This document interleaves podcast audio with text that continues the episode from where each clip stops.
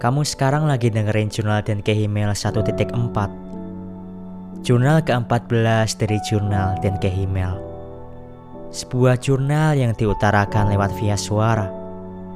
Podcast tentang perjalanan, traveling, dan sebuah kisah tentang mereka yang hidup di negeri jauh.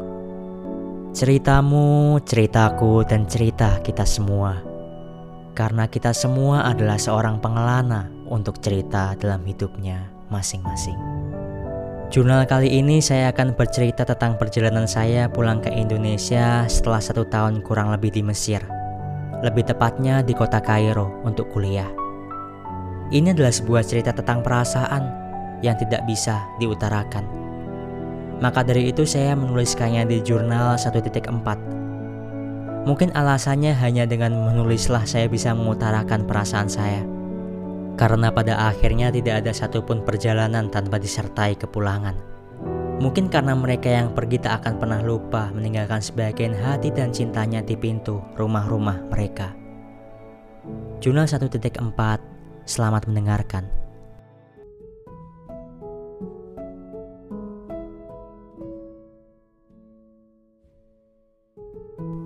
Pukul 7 pagi, tanggal 2 Juli 2023 tepatnya hari Minggu.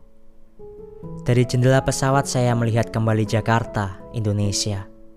Akhirnya setelah satu tahun, saya pulang.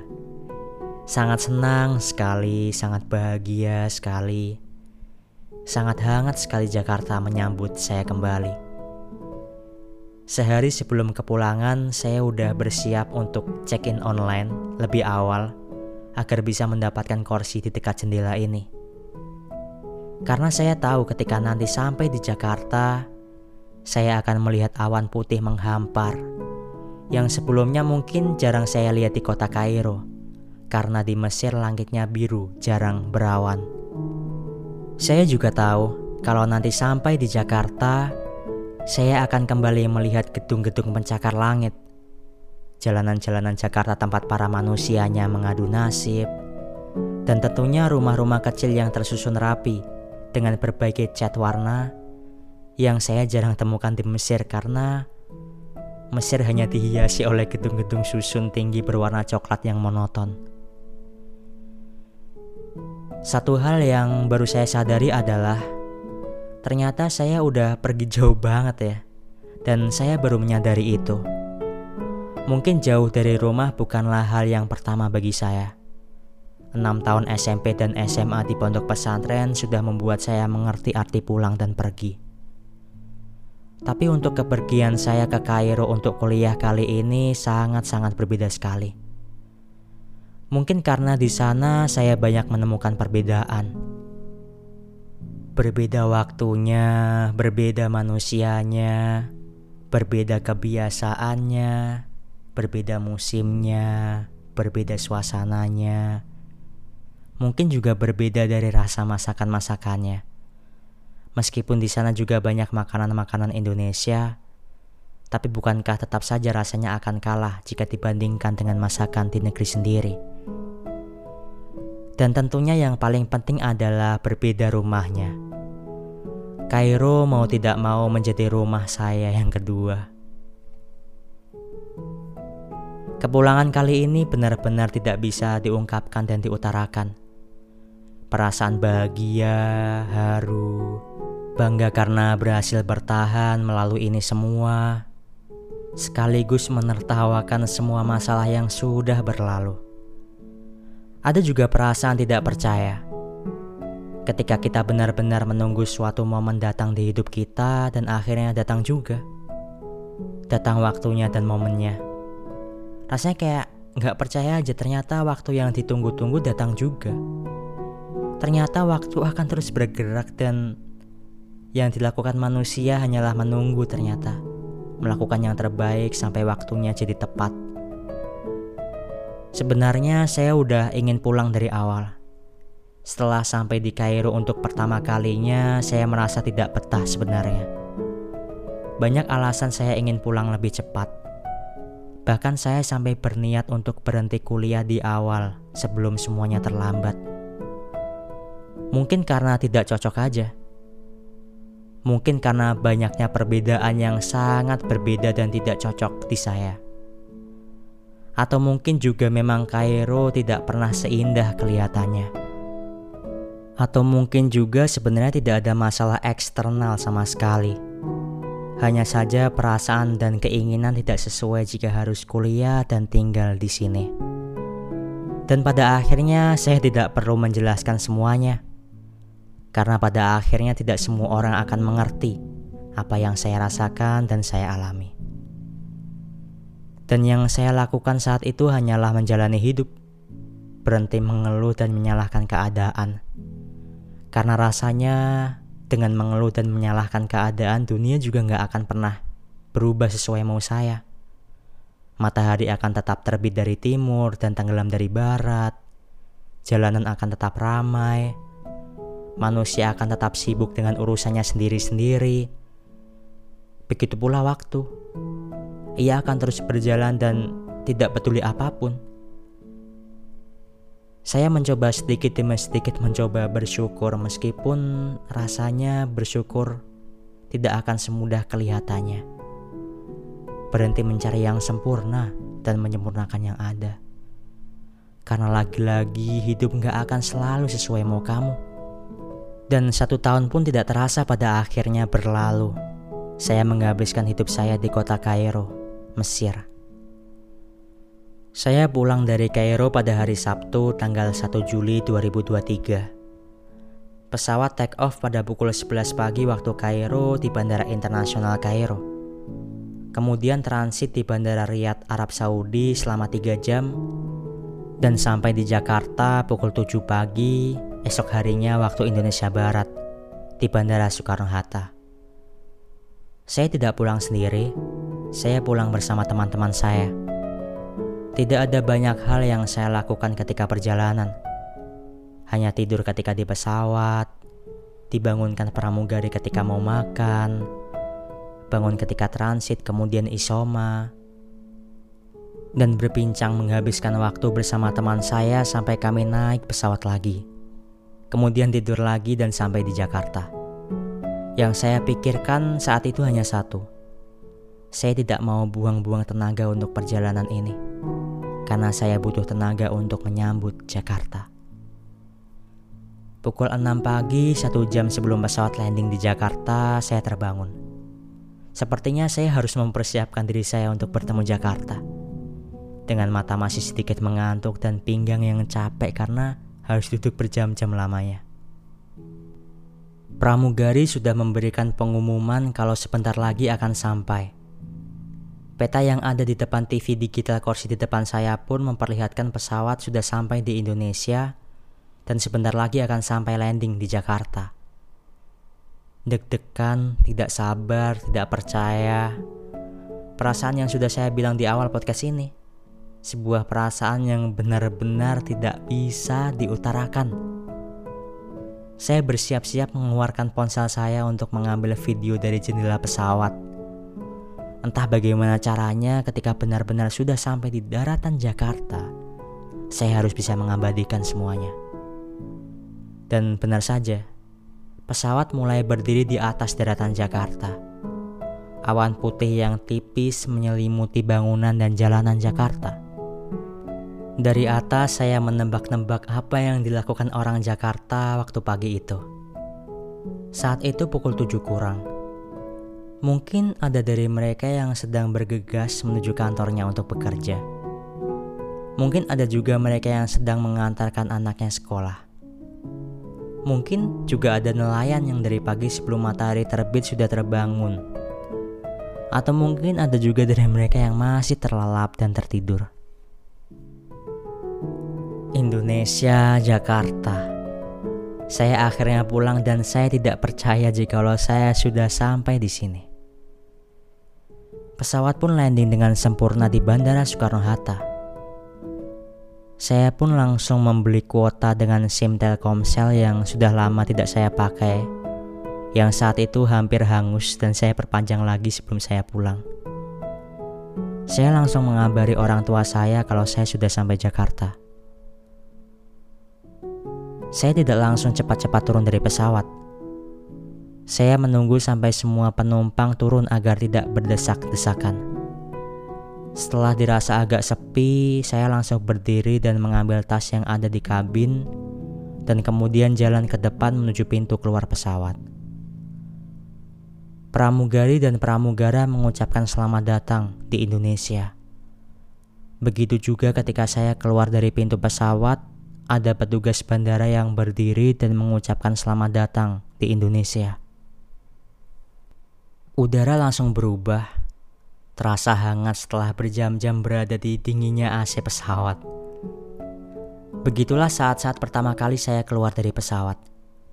Jakarta menyambut saya dengan hangat, sehangat udaranya di pagi ini. Saya langsung menuju pengecekan kedatangan dan kemudian menunggu bagasi. Saya tersenyum-senyum sendiri ketika melihat papan-papan bandara sudah berbahasa Indonesia. Ada juga gambar Pak Jokowi di layar TV bandara. Saya benar-benar udah sampai di Indonesia ternyata dan lagi-lagi saya masih tidak percaya itu. Setelah semua bagasi datang, saya langsung menaruhnya di troli dan kemudian saya dan teman-teman saya mencari pintu keluar. Oh iya, sebelum itu saya mengambil uang dulu di ATM karena saya benar-benar nggak ada uang rupiah. Pas dapat dan megang uang Indo, saya agak norak karena ternyata uangnya udah beda, lebih kecil dengan desain yang baru. Uang Indo sekarang lebih kecil ya. Uang Indo sekarang baru ya. Kata saya kepada teman saya bersemangat. Sambil mendorong troli menuju pintu keluar bandara, lagi dan lagi saya masih tidak percaya jikalau saya sudah di Indonesia. Saya pun keluar dari bandara dan suasana Jakarta langsung menyambut saya. Saya langsung berpamitan dengan teman-teman saya karena semuanya berbeda tujuan untuk pulang. Tujuan saya adalah Semarang. Saya akan pulang menuju stasiun Gambir dengan kereta malam pukul 8. Jadi sebelum itu saya kembali lagi masuk ke bandara untuk membeli makan. Karena yang pertama saya lapar banget. Dan yang kedua yang terfikirkan ketika itu adalah saya ingin makan sate. Saya ingat sekali di gate keberangkatan saat saya berangkat ke Kairo dulu, ada warung makan sate marangi. Saya pun langsung berniat ke sana. Dan ketika sampai di tempatnya, kamu tahu apa yang terjadi? Iya, warung makannya sudah nggak ada lagi. Berubah dan diganti dengan solaria. Saya pun berpikir begitu cepatkah waktu berlalu dan begitu cepatkah semuanya berubah. Karena udah kelaparan dan gak mau ribet, saya pun akhirnya makan aja di Solaria. Lagi pula saya benar-benar kangen banget masakan Indo di negeri sendiri. Apa pun masakannya. Setelah makan, saya langsung menuju stasiun Gambir. Kurang lebih saat itu pukul 12 siang saya meninggalkan Bandara Soekarno-Hatta. Saya menggunakan Grab dan memesannya di stand Grab khusus bandara. Mungkin alasan saya memilih menggunakan Grab karena daripada bingung naik apa ya udah Grab aja biar gampang. Sopir membantu saya menaikkan koper-koper saya dan kemudian saya pun berangkat menuju stasiun. Dari jendela mobil terlihat gedung-gedung Jakarta yang lebih dekat. Suasana jalanan Jakarta yang mulai padat. Dan juga saat itu Jakarta juga lagi mendung. Dan gak sampai 5 menit hujan pun turun. Jalanan Indonesia sepertinya lebih damai dan tenang daripada Kairo yang sangat berisik sekali dipenuhi oleh klakson mobilnya yang tidak sabaran. Saya pun berbincang-bincang sedikit dengan sopir grabnya. Meskipun saya nggak sempat bertanya siapa namanya. Masnya dari mana? Tanya saya. Dia pun menunjuk plat nomor mobil bertuliskan BM yang berada di depan. Saya dari Pekanbaru mas, pas banget di depan mobil platnya BM plat baru. Dia pun bercerita kalau dia sudah menikah dan kemudian merantau dari Pekanbaru menuju Jakarta. Sama seperti manusia-manusia Jakarta yang lain, Mereka yang mencoba menaklukkan Jakarta, mengadu nasib, dan mencari nafkah untuk bertahan hidup.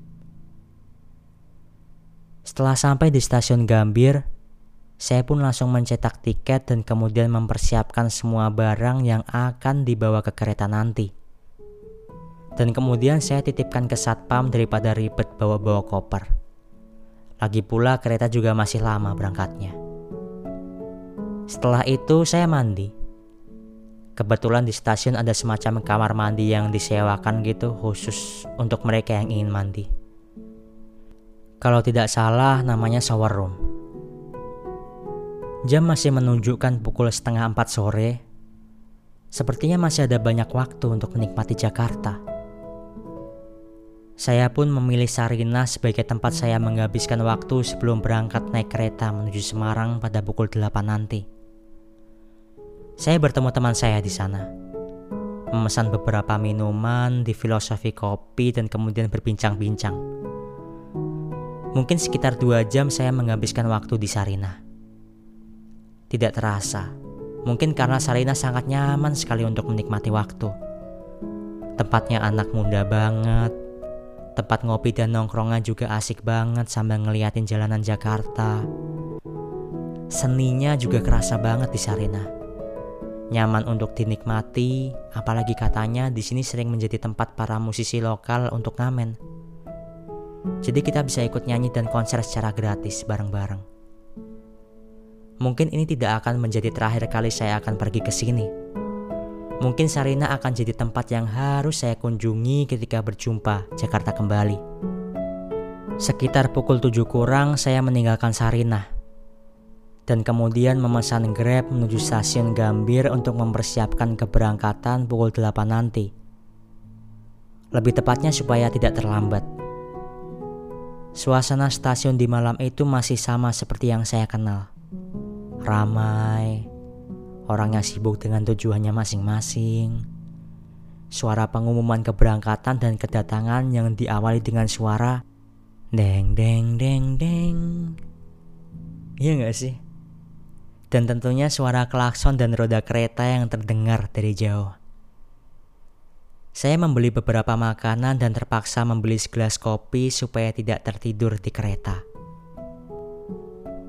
Jadi kereta saya itu tujuan akhirnya adalah Surabaya dan di Semarang itu hanya berhenti sementara dan akan langsung melanjutkan perjalanan lagi. Kalau sesuai jadwal yang tertera sih di tiket itu jam satu malam saya akan sampai di Semarang. Jadi saya harus memastikan bagaimana caranya saya tidak tertidur di kereta. Karena takutnya kalau udah tertidur nanti malah kebablasan. Saya pun langsung menuju rel kereta tempat keberangkatan. Kereta saya Argo Bromo yang ternyata masih belum datang karena masih setengah jam lebih lagi berangkatnya. Rel kereta masih diisi oleh kereta-kereta yang berangkat sebelumnya. Saya pun duduk di kursi menunggu sambil melihat orang-orang berlalu lalang keluar masuk kereta. Setelah setengah jam lebih menunggu, akhirnya stasiun mengumumkan kalau kereta saya sudah datang dan langsung memasuki rel kereta. Saya pun langsung menenteng dua koper saya di tangan kanan dan kiri sambil menggendong ransel di punggung. Kursi saya berada di gerbong 5, tepatnya di 9B dekat jendela. Saya pun mengangkat dua koper saya di atas dan menaruh ransel saya di bawah. Tidak lebih dari 10 menit kereta pun jalan.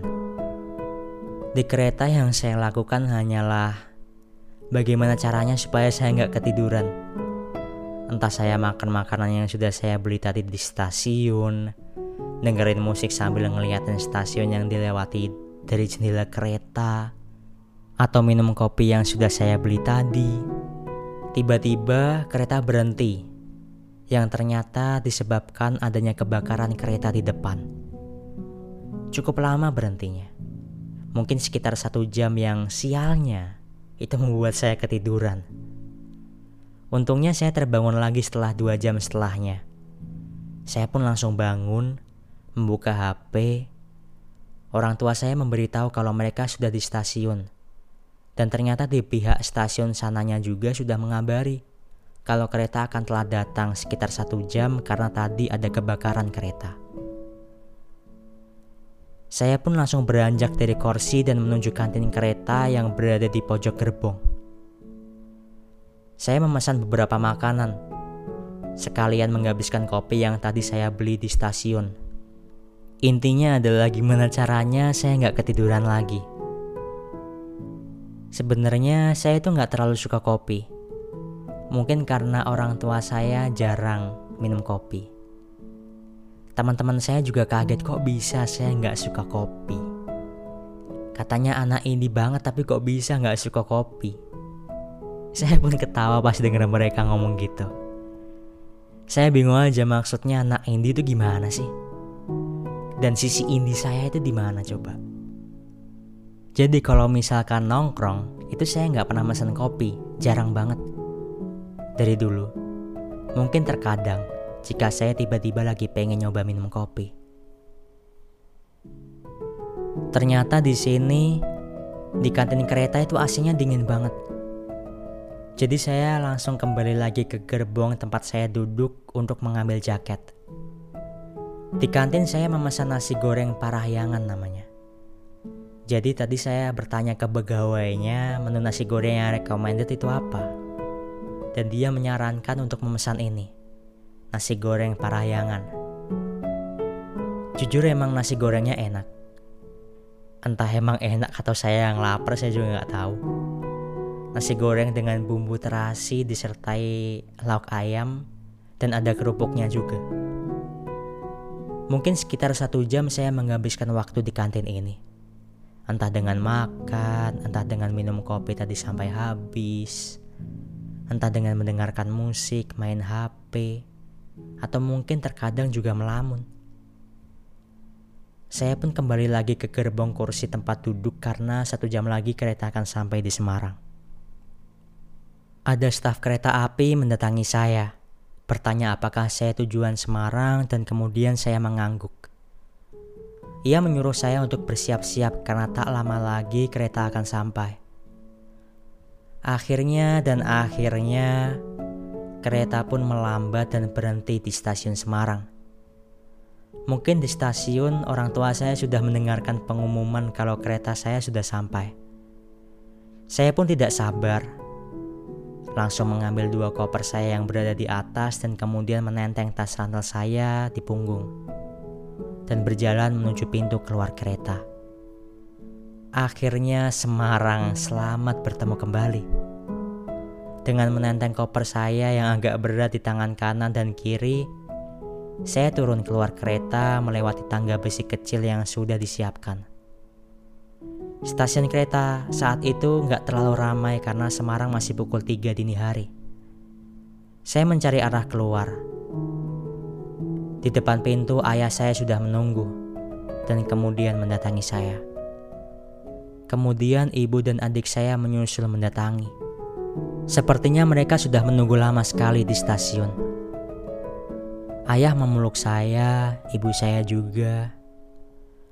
Rasanya aneh sekali ketika kamu sudah pergi jauh sekali dan akhirnya bertemu keluarga kembali.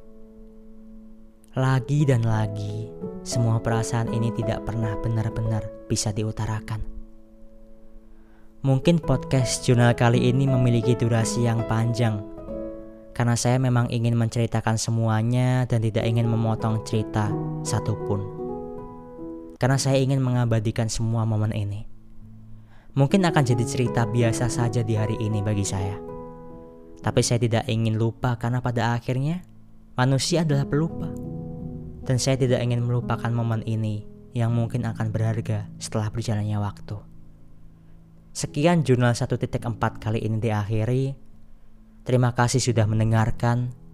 Sampai bertemu di jurnal-jurnal berikutnya. Salam dan.